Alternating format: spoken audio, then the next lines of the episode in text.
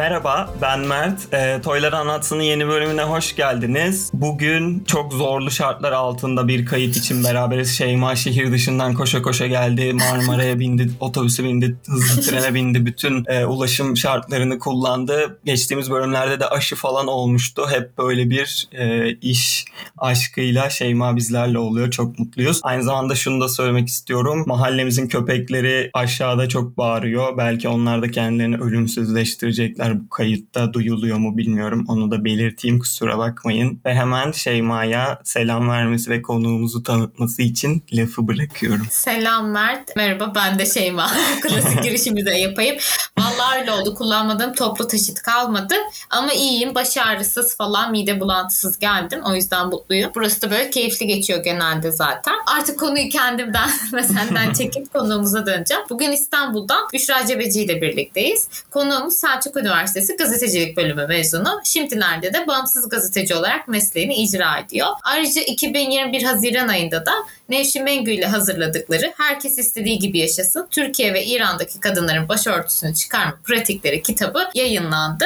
Böyle sözü daha da fazla uzatmadan yaptıklarını, ettiklerini, hikayesini dinlemek için Büşra'ya dönmek istiyorum. Hoş geldin Büşra. Nasılsın? Hoş buldum. Merhaba. İyiyim. Siz nasılsınız? İyiyiz. Teşekkürler. Geldiğin için de çok teşekkürler.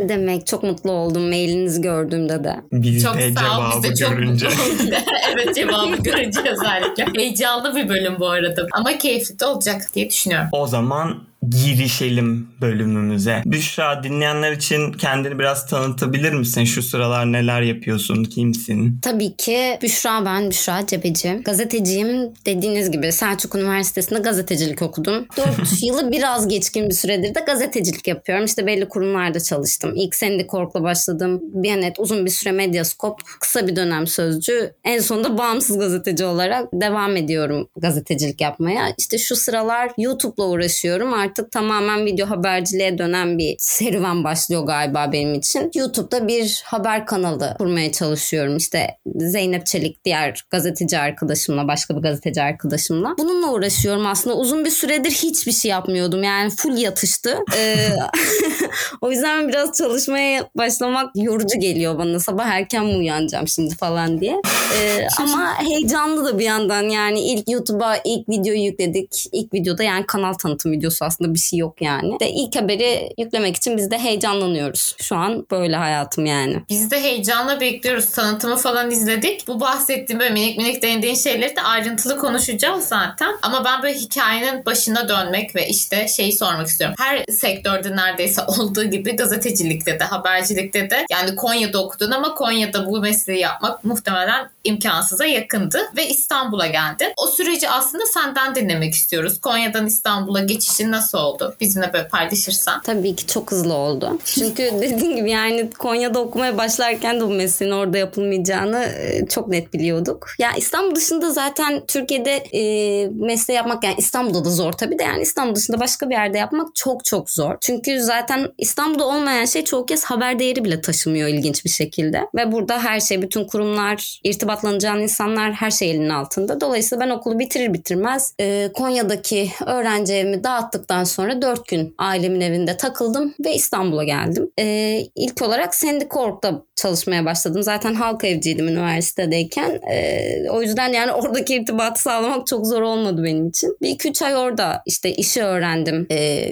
çok garipti benim için. Yani haber yazmayı bile orada öğrendim. Çünkü okulda öğrendiğim gibi değilmiş hiçbir şey. Bir basın bülteninin başında dakikalarca böyle ben ne yapacağım şimdi diye düşündüğüm an hiçbir şey öğrenmediğimi ya da öğrendiğim şeyleri bir şekilde sektörde pratiğe geçiremediğimi fark ettim. Ardından Biyanet'e geçtim. Biyanet'te de stajyerdim aslında. Bir aylık bir staj programıydı o. Biraz uzadı. Çünkü tam o sırada yapmaya çalıştığım bir haber vardı elimde. E, o haber de zaten 3 ay sürdü. O 3 ay içinde de ben Medyaskop'a geçmiştim. Yani Biyanet'teki stajyerlik işim yayınlandığında ben zaten Medyaskop'ta çalışıyordum. Bir iki yıl falan Medyaskop'taydım. Daha sonra oradan da ayrıldım. Sözcü'ye geçtim. Sözcü benim için çok garip oldu yani. Çok işte başlayacaktım pandemi başladı. Ben aile evinde 3 ay kaldım. Hani mezun olduktan sonra bile ben 3 ay kalmadım ailemde biraz garip geldi. ee, geri döndüm birkaç ay çalıştıktan sonra saçma sapan olaylar oldu yani Sözcü'de de. Zaten pek rahat hissettiğim bir ortam değildi. Dolayısıyla oradan da ayrıldım. Bu saçma sapan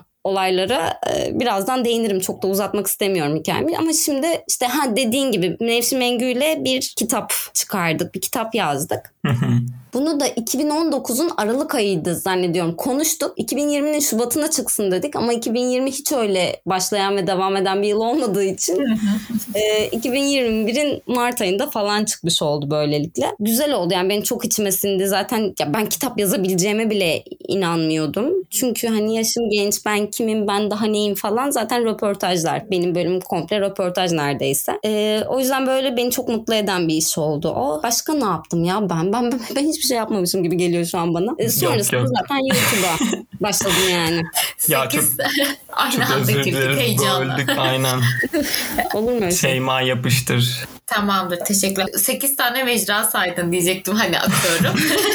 Hiçbir şey yapmamış falan asla değilsin. İki şeye takalım. Hepsini açacağız da şeyi ben de vurgulamak istiyorum. Ben de İstanbul'a 2018'de taşındım. Ve işte o zamana kadar ne bileyim İstanbul'da yağmur yağmış, olmuş, bu olmuş. Umurumda olmuyordu. Bakmıyordum o haberlere de. İşte ben de Antakya'daydım ve başımıza bir sürü doğa olayı geliyor. Trafik olayı. Bunlar o kadar haber olmuyor. Sonra buraya taşınınca bir baktım Twitter'da yani İstanbul'da kuş uçsa haber oluyor. Gerçekten öyle bir şey var. Başka bir yerlerde başka bir şey olmuyormuş gibi. Onu buraya taşınca çok daha fazla fark ettim. Burada böyle ben de bir söylemek Evet. istedim bunu. Ya bir de ben Sinopluyum. Ben hava durumunda Sinop'u görmüyordum. Sinop diye bir yer çocukluğumda falan yoktu yani. Ben o kadar kötü hissediyordum ki kendi Samsun'dan bir yerlerden hava durumuna bakıyordum. O yüzden öyle gerçekten Türkiye'nin kalbinin attığı bir yerde olmak çok güzel bir şeymiş. Ya peki şeyi sormak istiyorum. Bonus bir soru bu. Ee, belki sorumuzu Konya ve İstanbul odaklı sorduğumuz için buradan değinmedin sen de ama mesela neden gazeteci olmak istedin? Hani motivasyonun ya da bu mesleği seçme e, nedenin neydi? Yani aslında lisede e, böyle bir şey aklıma girdi. Çünkü benim evdeki kitapların dışında yani babamın kitapları dışında okuduğum ilk kitaplar gazetecilik kitabıydı. Yani hatta Mehmet Ali Birand'ın 28 Şubat darbesi kitabı falandı. Onun belgeselleri de var ya. Öyle öyle böyle çok fazla işte yani okuduğum bir şey biyografilerde falan da sürekli böyle bir şeylere bakayım ona da bakayım. Evde sürekli yazıcı böyle seri üretimde gibi çalışıyor falan. Düşündüm yani ben ya çaycılık yapabilirim. Baba mesleği. Seviyorum da o işi. Ya da gazetecilik yapabilirim gibi geldi. Çünkü benim hakikaten böyle kafam başka bir şeye basmıyor. Yani hiçbir yeteneğim yok. Elim böyle hiçbir şeye yatkın değil. Ne bir enstrüman çalabilirim. Ne bir gerçekten el işi bir şey yapabilirim. Zaten sayısalım falan da berbattır benim. Ben hep sözelciydim yani. Dolayısıyla yapabileceğim çok fazla bir meslek de yoktu. Severek yapabileceğimi düşündüm. Ha severek de yapıyorum. Belli zorlukları tabii ki var. Gerçekten böyle şimdiye kadar verdiğim kararlar arasından en iyi ki yapmışım dediğim şey herhalde gazeteci olmak diyebilirim yani. Liseden beri yapmak istediğim iş sonuçta. Çok güzel. Bizce de iyi ki yapmışsın. Ee, bir de ya kendini çok gerçekçi değerlendiriyorsun ya da çok mütevazisin hani böyle kendini biraz yererken. Yok gerçekten öyle düşünüyorum. Yani çaycılık daha önce de yaptığım için biliyorum. Yani ya ondan zevk alıyorum tost basayım falan ya da gazetecilik bir şeyler yazayım, bir şeyler söyleyeyim, konuşayım insanlarla, iletişim kurayım. Başka da bir yeteneğim yok yani. iletişim yeteneğim var bir tek galiba. Süper. O zaman şimdi ilk soruya cevap verirken sen e, bizim sorularımızın çoğuna değindin. Ya biz soruları çok iyi hazırlamışız ya da böyle bir telepatik bir şey oldu. Ya şunu sormak istedik özellikle. Şimdi az önce bahsettin dediğim gibi gazetecilik okulda öğrenildiği gibi mesela pratiğe uygulanabiliyor mu diye soracaktık sana. Çünkü yani dışarıdan bakıyoruz biz e, dışarıdan bakan insanlar olarak sanki hiçbir şey gazetecileri bu döneme hazırlayamazdı gibi yani hem dünyaya hem Türkiye'ye gibi hissediyoruz. Sence neden mesela sen az önce biraz bahsettin neden okul tekabül edemiyor? Ya çoğu insan öyle diyor. Okulu bitirdim ama çalışmaya başlayınca öğrendim gibi. Bu okullar niye var o zaman mesela? Şimdi gazetecilik dediğimiz şey okul olarak çok geleneksel medya. Yani gerçekten bu ilk baskı biçimi var. Hurufat var onun da. Yani böyle alıyorsun harf ters basılmış harfi kağıda basıyorsun falan falan. Hani tamam o kadar onun detayını öğrenmiyoruz belki ama onu öğreniyorsun. Gerçekten okula hoca hocamız bir kere o hurufatlardan getirmişti. Yani o kadar eski gelenekleri öğreniyoruz ama yeni de asla öğrenmiyoruz. Yani işte yeni medya trendlerini öğrenmiyoruz. Atıyorum bir Photoshop bilmem ne öğrenmiyoruz. Gazete basmak için bir InDesign öğreniyoruz. Ama ben hiç basılı yayında çalışmadım mesela. Yani hiçbir zaman işime yaramadı o InDesign öğrenmek. Zaten çok zor geçtim yani. İşte F klavye öğreniyoruz. F klavye dersimiz vardı ve ben dördüncü sınıfta verdim o dersi.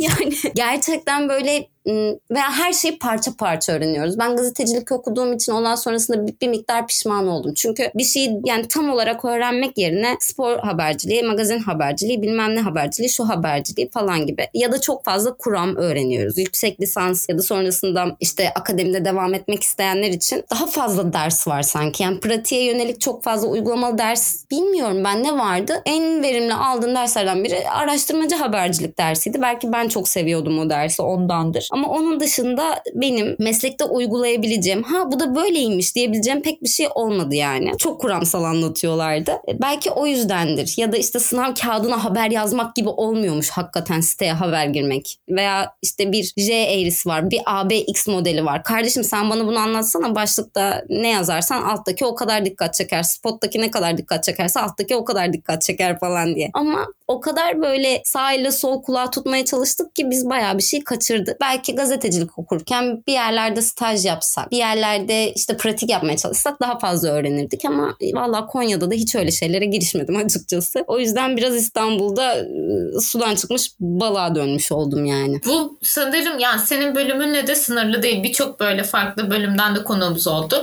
Onlarda da duyduğumuz bir şey. Pratik ayağı yok. İşte gerçeklikten, çağın gerektirdiklerinden kopuk olma durumu var. Akademiyi yine sorguladığımız bir bölüm oldu.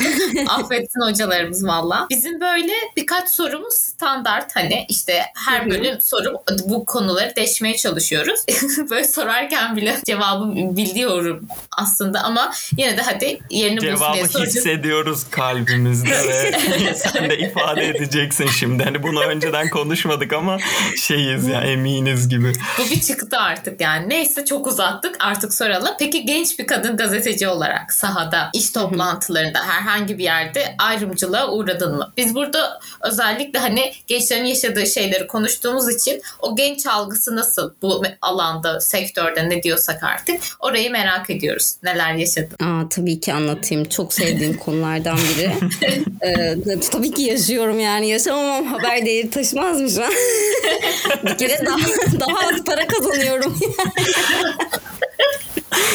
yani şöyle Şimdi kadın olarak yaşlansan da bir şey değişmiyor bence. Çünkü evet genç bir gazeteci olarak e, fazla ciddiye alınmıyorsun. Yani en basitinden en başta söylediğim şey gibi ben bir kitap yazacağıma bile inanmamıştım. Çünkü yaşım çok genç. Hani ben bile yaşlanmayı beklemişim anlatabiliyor muyum? Yaşlılar kim bilir neler bekliyor benden yani. O yüzden e, ama işte kadın olduğun zaman da şöyle bir şey var. Erkek olsan erkek yaşlı gazeteci hep deneyimli bir gazeteci oluyor. Ama kadın yaşlı gazeteci cazgır, çaçoron, kaynana bilmem ne falan yani yaşlansak da kurtulamıyoruz kardeşim o şeyden. Kadın gazeteci olarak genç bir kadın gazeteci olarak da şöyle bir şey oluyor. Meslektaşım olan erkeklerin 10 katı falan çalışayım ki onlar kadar güvenilir olayım. İşte aynı maaşı almaya layık olayım. Yani bir defa gerçekten bizim sektörde erkeklerin çok daha fazla maaş aldığı çok net. Yani ben bunu çok fazla kurumdan duyuyorum çok fazla. Yani bunu BBC'den bile duyuyorum anlatabiliyor muyum? Hani bunun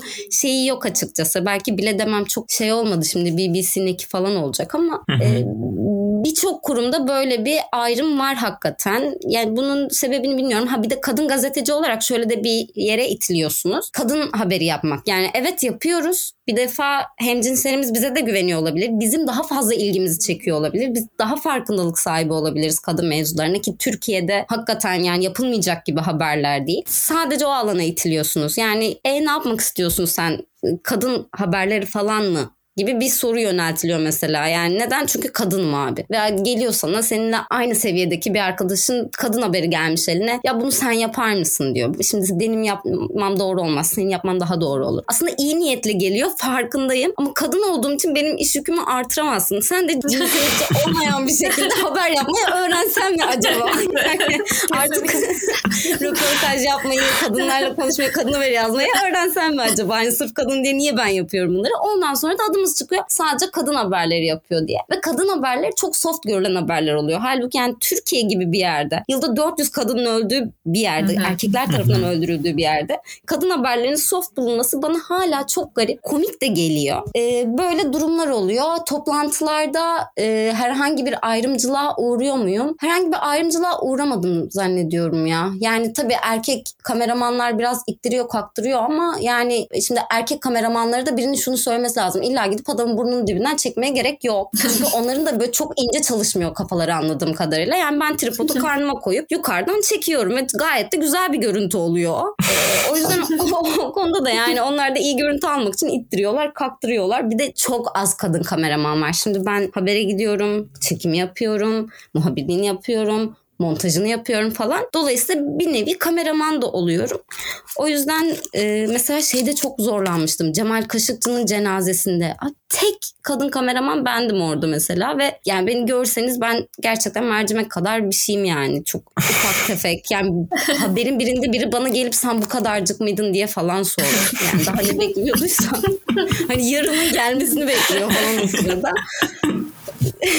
ya dolayısıyla evet benim gibi biraz da ufak tefek bir kadın olarak zor olabiliyor alan ama o şekilde toplantılarda çok büyük bir ayrımcılığa uğramadım. Kurumlarda tabii ki oldu yani. Yani mesela bir erkeğin sosyal medyada bir fotoğraf, bir video, bir, bir şey paylaşması çok problem olmazken benim çok ciddi problemler yarattı. Hani böyle deyince de ne biçim videolar yüklüyor acaba e, diyecek insanlar ama valla e, müstehcen bir şey koymuyorum açıkçası. çok seksi videolar koymuyorum yani.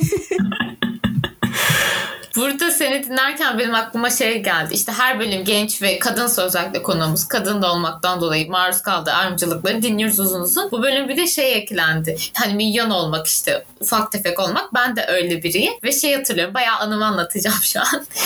İş görüşmelerine gittiğim bir dönemde işte bizim mahallede bir tane kırtasiye var. Oradan çıktım alıyorum işte CV mivi bilmem ne. Bir gün böyle işte eşofmanlı falan filan gittim. Bana böyle bayağı çocuk muamelesi yapıldı yani. Hissettim makyaj yok bir şey yok pek de yapmam zaten. Ama hani gocunmadım ama hadi sallı ne yapayım ne diyeyim. Geçiştirdim. Sonra bir gün iş görüşmesine giderken işte bir tane palto giydim. O da böyle ekose mekose hani bir şey de yok. Saçımı hani bir taramış yıkamışım ne bileyim yüzümü yıkamışım. Hani yine aşırı bir bakım falan yok. Yine oraya gittim çıktı almaya. Bu kez hanım falan oldum. Ve arada böyle bir hafta bile yok hani. Hanımefendi şu şöyle bu böyle. Muamele değişti. Ve sonra ben bunu bazı yerlerde kullanmaya da başladım. Bazı görüşmelere giderken maalesef daha böyle ciddi giyineyim de bari işte çocuk zannetmesinler. Yaşımı göstereyim falan. Hani yaşım da ne zaten göstereceğim yaş da 25. Yine zaten kabul edilmiyorsun hani. Bilmem ne. Bunlar geldi aklıma paylaşmak istedim. Yani evet yaşlansak da başka bir şey olacağız işte dediğin gibi farklı farklı sıfatlar takacaklar galiba. Ama ne Evet, bileyim biz evet. de durduğumuz yerde kudurtalım diyorum yani varlığımızla yaptığımız işler. Sinirlendim bayağı bu bölüm. Teşekkürler Ama paylaştığın şeyi için. e, eklemek istedim. Bak sen söyleyince aklıma geldi. Benim de öyle bir iş görüşmesinde hatta yakın zamandaki bir iş yani yakın zaman dedim Olay TV vardı işte Or- oraya gittim bir iş görüşmesinde şey olmuştu. Hani çok da çıtı pıtı görünüyorsun. Çok da kırılgan görünüyorsun. Yani ufağım ya. Evet. Ya diyorum ki boksör mü arıyorsunuz muhabir mi şimdi yani? Evet evet Hani bu tempoyu kaldırabilecek misin falan diyor bana. Yani ne kaldıracağım ben? Ağırlık mı kaldıracağım burada? Bilmiyorum da muhabirim ben orada ne kaldıracağım? Kapıyı bir da çok açıyormuşsun muha- muhabirler barfix çekiyormuş falan meğer öyle bir yer. Aynen. Daha iri birini mi bekliyordunuz yani? Ve çok garip. o Siyah muamele hakikaten skudurda garip. yani. Evet evet çok garip ya. Eğlenceli oluyor. Yaşarken bir sinir basıyor insana. hani şu an kavga mı etsem, eğleyip mi geçsem, şakaya mı vursam. Sonra ama bilmiyorum. evet. Goy goy daha kolay. her zaman muhatap da bulamıyorsun. Ee, Fotosel Evet. kapılar açılmıyor falan. ne diyebilirsin kapı sonuçta. Daha çok boyla ilgili bir şeye döndü konu. Gençlik Evet, ve evet. kadınlıktan çıkıp Do- üst dolaplara yetişemiyorum'a falan dönüştü. Ya ben şey e, bu tecrübenizi paylaşamıyorum 1.85 ve erkek olarak ama e, ilk başta söylediğin hani kitap yazamam ben hani daha yaşım gelmedi gibi düşünce mesela bunu ifade etmen çok önemliydi. Yani bizde hani toylar anlatsın derken ya da bizim derneğimizin işte toy gençlik derneği yani bilmemek, tecrübesiz olmak okey bir şey yaşayabiliriz biz de insanız hani var olabiliriz, deneyimleyebiliriz gibi. Bunu mesela çok gerçek örnekler gelince mutlu oluyoruz. Tabii ki kötü bir şey olduğu için üzülüyoruz ama böyle hani konuşabildiğimiz için şey de yine düşündürücüydü. Yani kadınların sadece kadınlarla ilgili haber yapmayı beklemesini böyle ifade etmek hani tahmin edilebilir bir şey belki ama alanın içinden biri böyle ifade edince ben çok ilginç ve değerli buldum söylemeni. Teşekkür ederim. Ama yazılabiliyormuş yani biraz uğraşıp biraz e, araştırıp bilmem ne falan hani onda hata olmasın bunda hata olmasın biraz özenli davranınca olabiliyormuş. E, yani bunu deneyimlemek benim için gerçekten e, güzeldi. En azından özgüvenimi artırdı hakikaten. Çünkü e, dediğim gibi yani bu biraz etrafımızdaki insanlarla, yöneticilerimizle, belki çevremizdeki insanlarla alakalı bir şey. Onlar bize öyle bir enerji veriyor ya da öyle şeyler söylüyorlar ki yapamayacağımıza inanıyoruz. Ama niye olmasın yani? Ben kameranın karşısına çıkıp konuşabileceğime inanan bir insan değildim ki zaten fail yani onlar ama e, bununla ilgili bir fobi geliştirmişim. Toplum içinde işte toplu insanlara karşı bir şey konuşamayacağıma inandırmışım kendimi çünkü hakikaten ciddi ciddi ve bacaklarım titriyordu, kalbim inanılmaz atıyordu falan e, sunum bile yaparken. Ama baktım bir yerden sonra söyleşilere katılıyorum ve o söyleşilerde konuşmacı olarak e, çıkıp konuşuyorum ve bir yerden sonra kendimi tutamıyorum. Konuş yani iki gün tutmasam konuşurum belki yani çenem zaten düşük fark ettiğiniz üzere. E, yavaş yavaş bunlar gelişiyor. Biraz da galiba birilerinin ittirmesi ya da girişken olmanızla alakalı bir şey sanırım. Şeye katılıyorum. Bir şekilde içselleştiriyoruz biz de yapamam, edemem bilmem ne. İşte ne olacak ki hani yazdın kitabı bir şeyler yanlış oldu, kötü oldu bilmiyorum. Neyse hani kötüsü kitap yazmanın olsun. Hani dünyada bir tek biz mi başaramıyoruz? Ya çıktık konuştuk saçmaladık. O bende de vardı mesela. Hatta şey derdim sosyal anksiyetem var ama yok aslında. Sadece biraz heyecanlıyım ve güvenmiyorum. Hata yapmaktan korkuyorum. Biraz yapıp işte ve bunu da sana birileri teşvik edince, destekleyince okey olabilir hani hata da yapabilirsin. Sonra şöyle yaparız böyle yaparız toplarız deyince aksi yönde ilerlemeye başlıyor insan. Toy'da da ben bunu seviyorum deyip böyle reklam yapar gibi konuşacağım ama gerçekten bu yarattığımız hikayeyi işte birbirimizi desteklememizi bu yüzden kıymetli buluyorum. Dışarıdan gerçekten büyük bir şey var bize hani ket vuran, sabote eden. Ona karşı mücadele veriyor gibi hissediyorum burada. Son olarak da bunu eklemek istedim. Söz sende Mert. Teşekkür ederim. Şey ana haber bültenine döndük. Büşra yanımızda olduğu için. evet evet. Tribe girdik. Şeymacığım şimdi çok önemli bir şey falan. Yeni soruya geçelim o zaman gerçekten çok ping pong gibi konuştuk. Çok da güzel şeyler söyledik. Ee, YouTube kanalın hayırlı olsun Büşra. Başta çok da teşekkür belirttim. ederim. Ya biz de sana böyle şeyden bahsetmeni isteyecektik e, senden.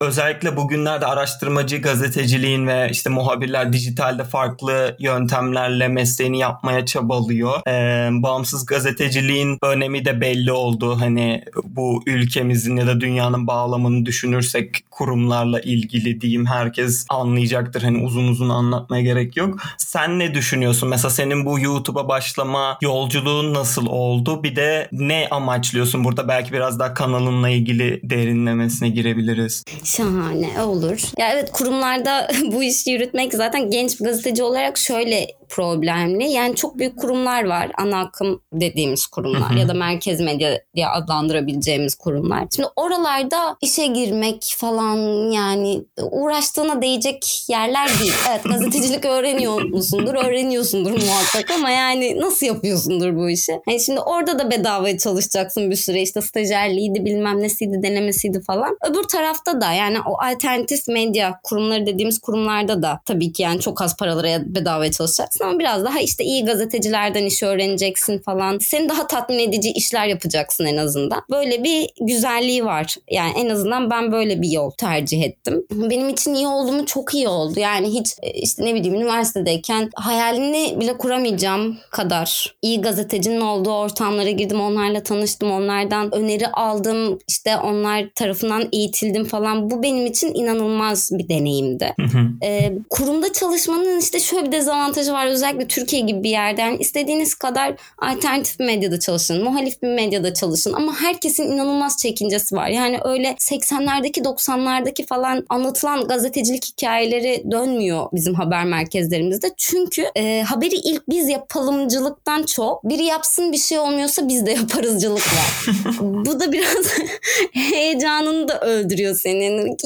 Böyle yapasın da gelmiyor iş falan. Top çeviriyorsun ancak. Böyle bir dezavantajı var. Yani Ha bir de zaten sadece baskı iktidar kaynaklı değil. Artık sosyal medya çağında olduğun için e, birçok tepki ile doğrudan e, karşılaşıyorsun ve biraz daha yaşı büyük olan insanlar 3 tane kötü yorum ben de buna katılmıyorum beyefendi hanımefendi dediğin zaman linç edildiğini sanıyor. Bakmayı ver interaksiyonlar linç edilmez yani o aslında o kadar dert bir şey değil ama işte yaşlılara bunu anlatamıyorsun. Dolayısıyla ondan kaçmak için de bazı işte otosansürler yapmak zorunda kalıyorsun falan. Bunların hepsi çok yorucuydu tabii ki. E, ya YouTube benim için iyi olacak açıkçası. Yani en azından ben buna inanıyorum. Buna inanmak istiyorum artık. Çünkü artık böyle tepemde ne bir editoryal baskı yani çok karşılaştığım bir şey olmasa da yani işte bunu yap bunu böyle yazmayalım şimdi şuna şöyle diyen olur falan gibi bir şey olmayacak. Bu bir. İkincisi hakikaten eski TRT haberciliği, TRT muhabirliği, spikerliği mevzusundan ciddi sıkıldım. O diksiyon, böyle o hitabetleri falan. O kadar ciddi bir gazeteci olmama gerek kalmayacak. Kimse tepemde ciddi ol. Aman şurada şunu yapma, burada bunu yapma. Sosyal medyada bunu deme falan demeyecek. Çünkü bu gerçekten büyük bir dert. Bir kurumda çalışırken bu her kurum için muhtemelen geçerlidir. Sosyal medya hesaplarınızı incik cincik böyle sürekli kurcalarlar yani. Ve ben bundan çok ciddi ölçüde rahatsız oluyordum. Çünkü ya orası benim alanım.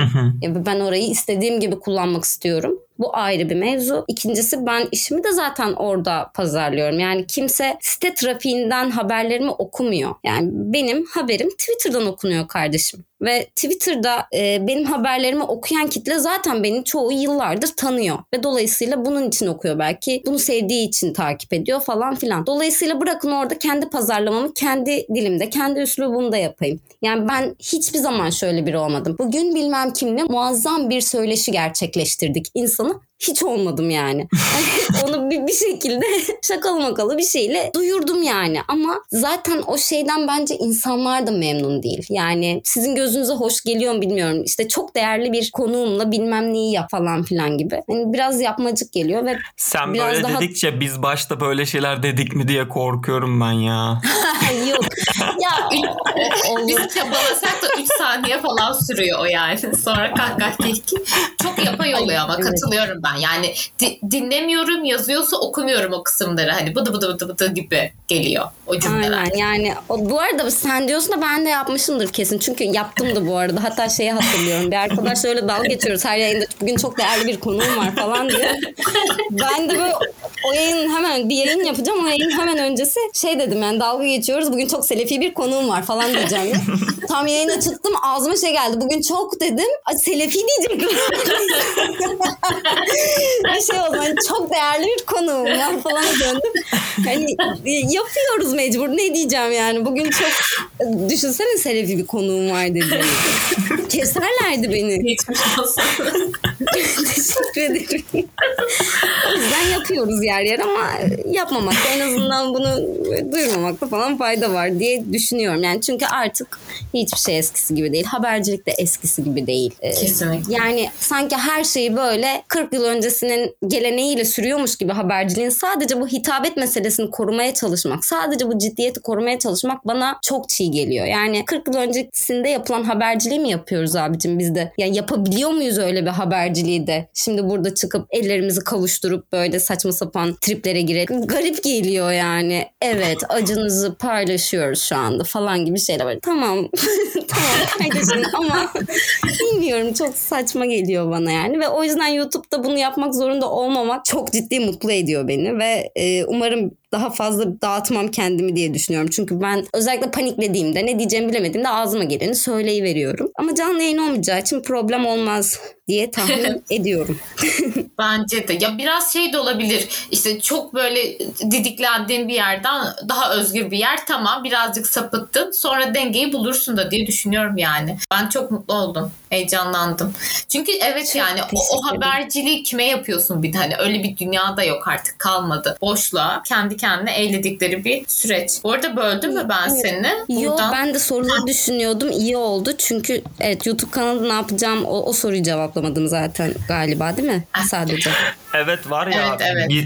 ben soruları bile unutuyorum sorduktan sonra sen devam. Ama Evet, evet, o soruyu da dinlersek çok güzel olur. Ya YouTube kanalında aslında bol bol haber yapmayı planlıyoruz. Yani şu anda e, zaten haber kanalı olacak ve bu proje bu şekilde dahil oldum. Yani bu YouTube'un aslında bağımsız gazetecilere yönelik açtığı bir program Ee, ve dolayısıyla haber yapacağım diye giriştiğim bir program. Ee, haberler anonslu olacak yani yine ben anlatacağım, ben gideceğim, konuşacağım, görüşeceğim. Aynı şekilde Zeynep bahsettiğim gazeteci arkadaşım ona belli bu tarz formatlar belirledik. Böyle bir e, kanal olacak. Onun dışında böyle geçenlerde belirlediğimiz bir format daha var. Yani belki hayata geçirebilir miyiz? Ki geçirmeyi çok istiyorum. E, medyadaki kötü haberleri e, derleyip onları yorumladığımız da bir program yapmak istiyoruz. Çünkü hakikaten bazen yani yerlere yat- yatıracak kadar, gülmekten yerlere yatıracak evet. kadar komik haberler oluyor. Ben şeyi hatırlıyorum yani birkaç yıl öncesinin Akit haberi. Bulsan bugün de vardır da öyle haberler. E, Benim de aklıma Akit haberi geldi sen deyince. direkt o geliyor yani. Orası gerçek bir hazine çünkü. E, yırtık kot giyenlerin İngiliz ajanı olduğuna dair bir haber vardı. Mükemmel, Mükemmel. tespitler falan. Evet, köşe yazarlarını çok okurdum onları. Şimdi o kadar eğlenceli değil köşe yazarları da. E, böyle bir format düşünüyoruz. E, hatta bunun için belki bilirsiniz Meryem Kazıklı Maria bir Evet, e, evet. YouTube kanalı var. Onunla bir bölüm yapmak istiyoruz. O çünkü böyle kötü kitapları falan Evet, yorumluyor. Ben evet. onun bağımlısıyım. Ben Çok de, ben de. seviyorum. Ee, böyle bir şey yapmak istiyoruz. Ee, eğlenceli olacak. Böyle önümüzdeki günlerde biraz daha yapacağımız içerikler, seriler oluşur diye tahmin ediyorum ama ana hatlarıyla haber e, olacak. Daha yavaş habercilik. Yani son dakika haberciliği falan değil. Çok sevdiğim işler değil onlar benim. Ama onları da yani yapmamız gerektiğinde yapacağız mecburen. Ee, daha çok yavaş habercilik. İşte zaten ilk haber şu an çekimlere devam eden haberimiz şey yani ev içi emekten bir kadın eve ne kadar para kazandırıyor konulu bir haber. Ütüsüydü, yemeğiydi. Bunların hepsini dışarı bir yere, ütüyü bir yere yaptırsan, yemeği dışarıdan söylesen, çamaşırı çamaşırhanede yıkatsan falan çocuğa bakıcı tutsan ne kadar para gidiyor? Dolayısıyla bu kadın eve ne kadar tasarruf ettiriyor ile ilgili bir e, hesaplama haberi planlıyoruz. Yani kafamızda ilk haber o. E, bu tarz aslında içerikler olacak daha çok. E, 8-10 dakikalık videolar e, düşünüyoruz. Daha uzun videolar değil yani. Bu şekilde. Süper tekrar hayırlı olsun yorumlarda olacağız. Evet, chatte Teşekkür yorumlarda. Bekliyorum. Yorumlarda bulalım birbirimizi dostlar diyorum. Ben heyecanlandım. Kazıklı Maria'yı duyunca da heyecanlandım. Sen söylerken çünkü aklıma çok alakasız da olsa bir Kazıklı Maria bir de Berkcan Güven'in videoları gelmişti bu. Tepki videoları gibi. Ben bunları çok seviyorum. Bu da çok çok iyi bir format yani. Heyecanlandım o yüzden. Ben buradan diğer toyluk hikayene getireceğim konuyu. Buraya da girdik birazcık ama hani şeyi sormak istiyorum. Biz dinleyenler falan biliyor gibi farz ettik girdik işte. Bir kitabınız çıktı. Ya bu zaten başlı başına bir toyluk macerası. Bunu söyledik. Biraz böyle konusundan senin için öneminden bahsedelim istiyorum. İşte birileri şey diyebilir hani niye Türkiye ve İran'daki kadınların işte başörtüsü çıkarma pratikleri falan. Belki o bağlamı bir çıt verirsin. Ama tabii buradaki tavsiyemiz kitabı alın okuyun arkadaşlar. Bence kıymetli de bir konu. Hani benim senin daha önce de bu konuda yaptığı şeyleri takip ettiğimde bir geçmişim de var. O yüzden de ayrıca heyecanlandım. Benim de. Senden de dinlemek isteriz şimdi. Tabii ki. Ee, yani kitabı aslında şöyle Biyanet'teki biraz önce bahsettiğim stajyerlik işim zaten biraz kitapla ilintili bir konuydu. Yani orada işte başörtüsü mücadelesinin değişen yolcu adında bir yazı dizisi hazırlamıştım ve bu yazı dizisinde başörtüsünü çıkaran kadınlar da vardı ve işte başörtüsü ile e, var olmaya çalışan, birey olmaya çalışan, işte muhalif olan, cinsel kimlik savaşı veren kadınlar da vardı. E, bu biraz daha konuyu daraltarak ele almak oldu ve zaten o yazı dizisinin arkasında biz Nevşin'le tanışmıştık. Yani Medyascope'da o zamanlar yayın yapıyordu. Deutsche yayınları Medyascope'da, Medyascope stüdyosunda oluyordu. Öyle bir tanıştık. Sonrasında da bu konuyla ilgili böyle fikir alışverişi yapmaya devam ettik. Yani o bana İran'dan haberler atıyordu, Türkiye'den haberler işte üzerine konuşuyorduk falan. Bir gün yine öyle bir haber ya da bir makale attığında dedim ki hani evet çok farklı iki ülke çünkü bir ülkede devlet mekanizmalarına karşı, devletin baskı mekanizmalarına karşı verilen bir mücadele var ve kitlesel e, yaptırımlar çok ağır. Türkiye'de de daha bireysel, duygusal bağlara karşı verilen bir mücadele var. Bu da çok yalnızlaştırıyor insanları. Yani bir, bir taraf çok kitlesel bir taraf çok yalnız kalmış durumda. Ama söylemlerde birçok noktada benziyor. Yani en basitinden bir işte rüzgar iki taraf içinde inanılmaz önemli bir şey. Yani rüzgara karşı saçını salmak yani bu insanlara çok dramatik gelebiliyor ama rüzgardan e, kafanızı bir müddet sakladığınız zaman bir müddet işte maruz bırakmadığınız zaman işte o rüzgarı saçta hissetmek farklı bir duygu oluyor doğal olarak. Dolayısıyla birçok kadın bu rüzgar meselesinden bahsediyordu ya da belli korkular, endişeler işte başörtü çıkardığında kendini bir noktada özgürlüğe yakın hissetmek gibi söylemler birbirine benziyordu. E ne yapalım? Bununla ilgili bir şeyler yapalım diye yola çıktık. Buluştuk. Kitap olsun. İşte ben zaten röportajlar yapıyorum. Yaptım daha önce işte zaten kitabın ilk röportajı 2-3 yıl öncesinden yapıldı. Ben o zaman kitap yazacağıma inanmıyorum ama bir yandan da röportajı yaptım. ee, o böyle kaldı yani bendeydi. Hatta kitabı yazamayacağıma inanıp daha sonra en son yüzdümüzün kuyruğuna gelip e dedim tamam yayınlayayım işte söyledim Medyascope'da Ruşen Çakır'a. Dedim bende böyle böyle bir kitap var. Tam da radikal İslamcılık haberi yapmıştı Fırat. İşte oradaki Fırat Fıstık. E bunu da verelim istersen dedim. Nasıl ya sen onu vermedin mi dedi. Dedim ben kendime yaptım onu. Ne vereceğim? Ama dedim vereyim istiyorum. Çok iyi.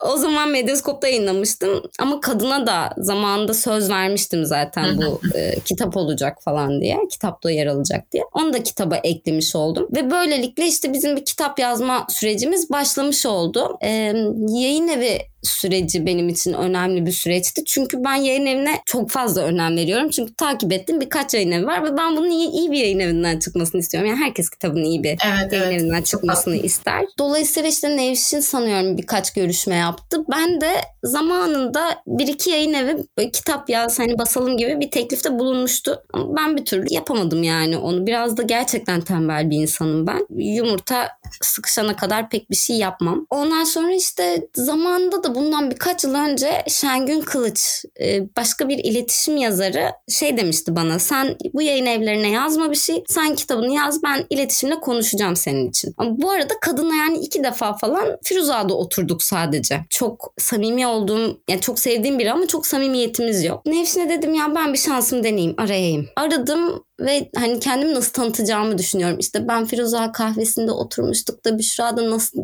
tanıtacağımı düşünüyorum falan. Sonra işte telefon direkt Büşra'cığım nasılsın diye açınca böyle inanılmaz mutlu oldum. Oh çok büyük bir kısmını atlattık falan. Ee, sonrasında o aracı oldu. Ee, işte Tuğrul Yılmaz o. Çünkü o Tuğrul Türkoğlu'ndan bahsederken ben onu Tuğrul Yılmaz sandım falan öyle bir iletişimsizlikle beraber Tuğrul Yılmaz da sürece dahil olmuş oldu. Sonrasında ben teşekkür etmeye gittim. Şimdi mi aklına geldi falan dedim ama biraz e, öylelikle iletişimden çıkmış oldu ve inanılmaz mutlu oldum. Yani çok sevdiğim bir yayın evi. Editörümüz Kıvanç Koçak. Mükemmel bir editör ve onun da editörü olmasına çok sevindim kitabın. Zaten ismi de Kıvanç'ın eseri yani. Böyle bir e, süreç oldu yani. Aslında tereyağından kıl çeker gibi olmuş düşündüğün zaman. Evet evet ya bazı insanlar tabii tam tereyağına akıllı çeker gibi bilemem de son dakika yapar. Hani tembellik diyoruz da bazısı öyle çalışıyor gerçekten. Yumurta kapıya gelince bir şey oluyor. Bir de şey diyecektim Tuğrul Er Yılmaz da toyluğuna yorsun falan hani. Bizim bazen de böyle çıkışı bulduğumuz bir şeydir bu. Olabilecek şeyler. Tekrar Ya, hayırlı evet, uğurlu olsun diyorum ben. Teşekkür yani ederim. bilmiyorum benim ilgimi çeken hani dönüp baktığım, önemsediğim bir konu bir mücadele hatta hani kadın arkadaşlarımla da bildiğim. O yüzden kıymetliydi. Özellikle sormak istedik. Çok teşekkürler aktardığın için de samimiyetle. Ne demek? Yani sonrasında gelen mesajlar da yani zaten bana e, Biyanet'teki haberden sonra epey yani Değil mi? yıllardır geliyordu bu tarz mesajlar kadınlardan. Kitaptan sonra gelen yorumlar da beni çok fazla mutlu etti açıkçası. Dedim güzel, iyi bir iş yaptık. Yani çünkü benim gerçekten korktuğum şey e, yani bir şekilde su taşımak istemediğim mesele başörtülü olan insanların üzerine başka bir sorumluluk yüklemek. Onları bir şekilde suçlamak ya da incitmek. E, dolayısıyla bundan çok fazla kaçındım ve sanırım istediğim gibi de oldu. Çünkü hiç kimseden böyle kitabı okumayan insanlardan oldu tabii ki bu yani. Aman İslam düşmanı, aman İslamofobik falan yani. Ben nasıl İslamofobik olabilirim? Manyak mısınız yani? Zaten ben hani yeterince doğmuşum. Daha İslamofobik olmamak için ne yapabilirim? Taliban'da mı doğayım? Ne yapayım yani artık? Gerçekten saçmalık yani. Böyle yorumlar da geldi ama çok önemli yorumlar değildi onlar. Çünkü kitabı asla okumadığına emin olduğum insanlardı. Kitabı okuyan, başörtülü de olan bir sürü insandan gayet güzel mesajlar aldım. Ee, kadınların kitaptan sonra kendini daha güçlü hissettiğine dair mesajlar almak inanılmaz mutlu ediciydi benim için. Yani çünkü zaten buradaki mesele Türkiye'deki en azından daha yalnızlaşmak Evet, üzerine evet. olduğu için onların kendilerini yalnız hissetmemeleri, benzer korkuları, telaşları, e, be- benzer gücü kendisinde bulan insanları görmeleri, onların hikayelerini okumaları ve çoğunluğunun mutlu sonla biten hikayeler olması falan e, onlara e, güç verdi zannediyorum. Ve bu hakikaten beni çok mutlu etti. Aklına kalemine sağlık falan mı der? Ne denir bilmiyorum burada ama iyi ki yapmışsınız yani. Teşekkür sağlık. ederim. Aynen eline sağlık. İyi ki bu sana ve size ya da size gelen dönüşleri paylaştığında çok iyi oldu. Hani bunun Evet, evet. güçlendirici etkisi olduğunu duymak senin için çok mutlu edicidir. Bizi de mutlu etti. Son sorumuza geçeceğiz. Böyle bir geleneksel mini sorumuz var ama ondan önce çok saçma bir şey geldi aklıma ve bunu unutmadan paylaşmak istiyorum. Büşra biz senle aslında 2018'de konuştuk biliyor musun? Aa, Asla hatırlayamazsın. Asla hatırlayamazsın. Ben de hatırlamıyordum. Sana ulaşmayı düşünürken aklıma geldi. Ben 2018'de Instagram'dan senin story'inde senin kedin ya da bir kedi işte etrafında olduğun böyle bir tüpten bir şey yiyormuş. Ben de şey Evet. yazmışım. İşte diş macunu kediler için zararlı ya kusura bakmayın hani şey endişelendim yazdım falan böyle kibar kibar hani şey burnumu sokuyor gibi olmayayım diye yazmışım. Sen de yok canım bu işte vitaminsel bir şey falan demişsin böyle. Hani dünyanın en garip interaksiyonu hani böyle Instagram DM'inde kedinize onu yedirmeyin lütfen falan demişim. Sonra Diş işte yedirmeyin lütfen. ve şey e, ve şey böyle sonra da diyorum ki ya bir de hani senin ne haddine be? falan da denebilir ya böyle. Şey diyorum sonra ya pardon aslında böyle böyle falan diye açıklamaya çalışıyorum. Sen de işte kedi duyarına her zaman açığızdır iyi akşamlar falan demişsin. Mükemmel bir iletişim olmuş hakikaten. İşte sana ulaşmaya çalışırken mail adresini bulmadan önce bu aklımıza geldi. Hani aa dedim Instagram'dan mesaj atarsam belki gider önceden konuşmuşuz onu bulduk. Bunu da buraya sıkıştırdım akışı patlatarak ama yani içimde Güzel kalırdı. Kedili anı sonuçta. Bence Güzel güzel anı, evet. Fidel e, kedinin adı da bu arada. Muhtemelen odur yani.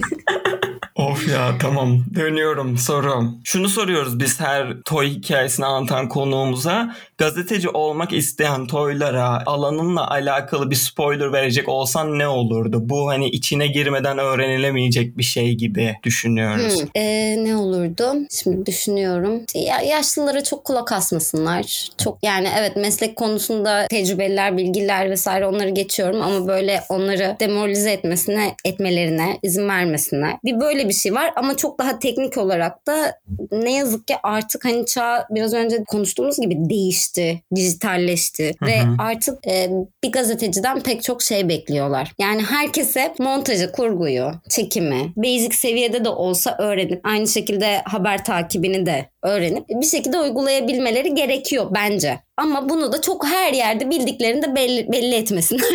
yani bilsinler ama kendilerini biraz saklasınlar falan. Çok lazım olursa söylerler. Çünkü bu şöyle bir şey de yarıyor. Yani bir haber yapıyorsunuz ve bir kurgucusu olabilir, bir kameramanı olabilir. Onu da yönlendirebilmenize. Sonuçta sizin imzanıza çıkan bir iş var ortada. Dolayısıyla e, ne kadar çok şey bilirseniz o süreçle ilgili o kadar en azından orkestrayı iyi yönetirsiniz. Ama en zor kaldığın zor döneminizde de tek başınıza kaldığınızda da mesleği yapmaya devam edebilirsiniz. Yani benim e, şimdiye kadar edindiğim tecrübede en azından yani ben şu an e, çok daha uzun bir süre işsiz kalabilirdim. Tek başıma bir şey yapmaya hazır hissetmiyor olabilirdim. Ama düşününce evet ben bunları çok ustalıkla bilmiyor olsam da yapabiliyorum. Oluyor demek ki hı hı. dedim ve bu şekilde yolumu devam edebiliyorum. Sosyal medya kullanımı zaten çok önemli. Yani bunu bence belirtmeme bile gerek yok. İnsanlarla iletişim kurmak o kadar önemli ki gazetecilik yani sonuçta. Ve sosyal medyada da ben hep şey yapardım. Haberi editöre attığımda bir de tweet metni yazardım haberle ilgili. Ee, ona da çok özen gösterirdim. Çünkü hakikaten Twitter okutuyor kardeşim o haberi. Ve e, haberinizi pazarlamaktan da çekinmeyin, utanmayın. Bunun için insanlar bazen hakikaten aşağılayabilir sizi. Ama o sizin emeğiniz, o sizin işiniz ve olay zaten onun çok fazla okunması. İyi tepkiler almanız. Yani gazetecilikte inanılmaz paralar kazanmak gibi bir hayali kimsenin yok bence.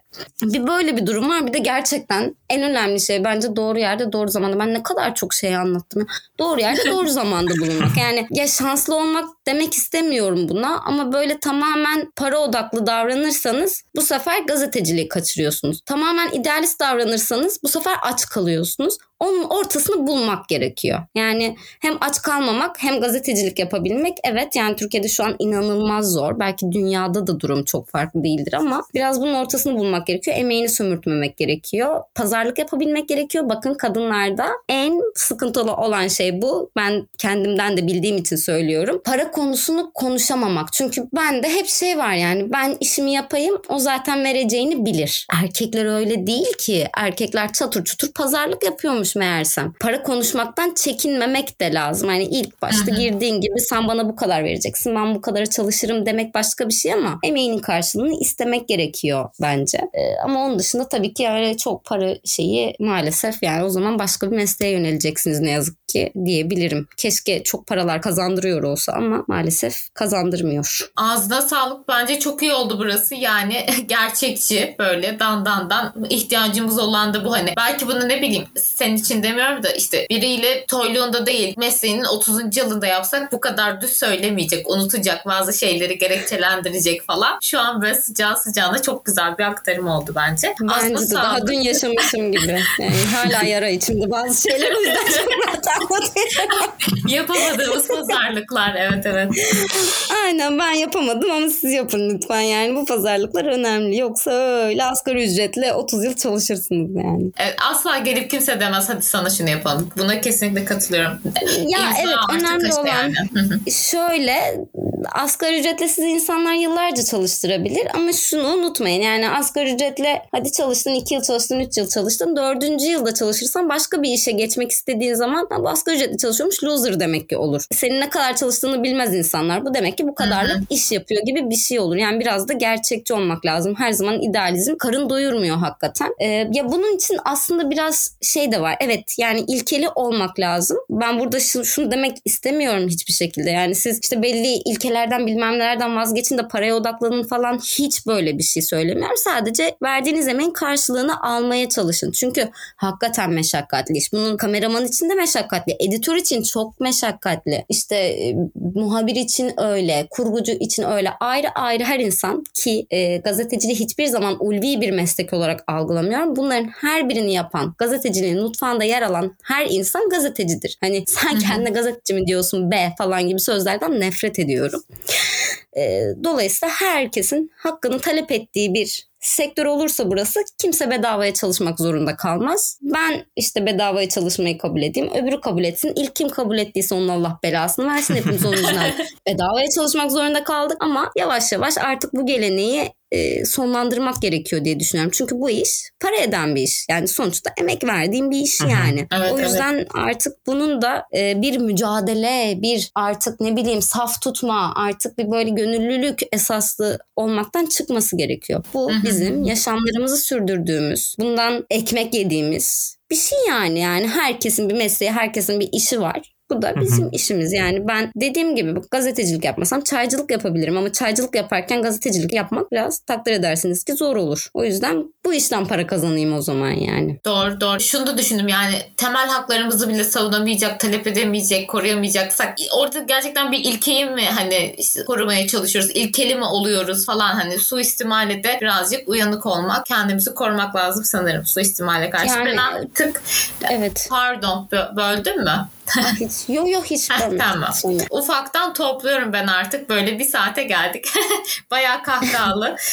Hem böyle isyankar hem de güldürmeli bir bölüm oldu benim için. Yol yorgunuydum ama çok çok keyif aldım. Umarım siz de keyif almışsınızdır sohbetten. Teşekkür ediyorum. Varsa böyle son bir sözleriniz onları almak isterim. Sevgili Mert, sevgili Büşra. Ben çok teşekkür ediyorum gerçekten beni konuk aldığınız için. Ya benim için de böyle iç dökme seansı gibi oldu. Çok hoşuma gitti gerçekten. Yani e, yani söylemek istediğim bir şeyler mutlaka vardır ama şu an her şeyi söyledim galiba ya. Aklıma da bir şey gelmiyor. Bir de çok hızlı konuşuyorum ben. Biraz kelimeleri, e, harfleri yutmuşumdur. Bunun için özür diliyorum dinleyenlerden de. Biz de öyleyiz Teşekkür ederim. biraz. Biz teşekkür ya, ederiz. Ya söylediklerin hem içerik olarak hem bence yapısal olarak çok geçti, anlaşıldı. Ne keyifli dinledik. Ben de çok eğlendim. Çok teşekkürler tekrar geldiğin için. Ben de bir kez daha böyle 36. teşekkürüm falan oldu. İkinize de teşekkür ediyorum. Bir bölümde daha bizlerle olduğunuz için ya inşallah bizlerlesiniz de dinleyenlere de teşekkür ediyorum. Yeni bölümler için bizi sosyal medya hesaplarımızdan takip edebilirsiniz. Dinleyip sevdiyseniz bölümleri eşinizle dostunuzla paylaşın. Belki onlar da sevip dinleyeceklerdir diyorum. O zaman kapatıyorum bölümü. Hoşçakal Mert, hoşçakal Büşra. Görüşürüz. Görüşürüz.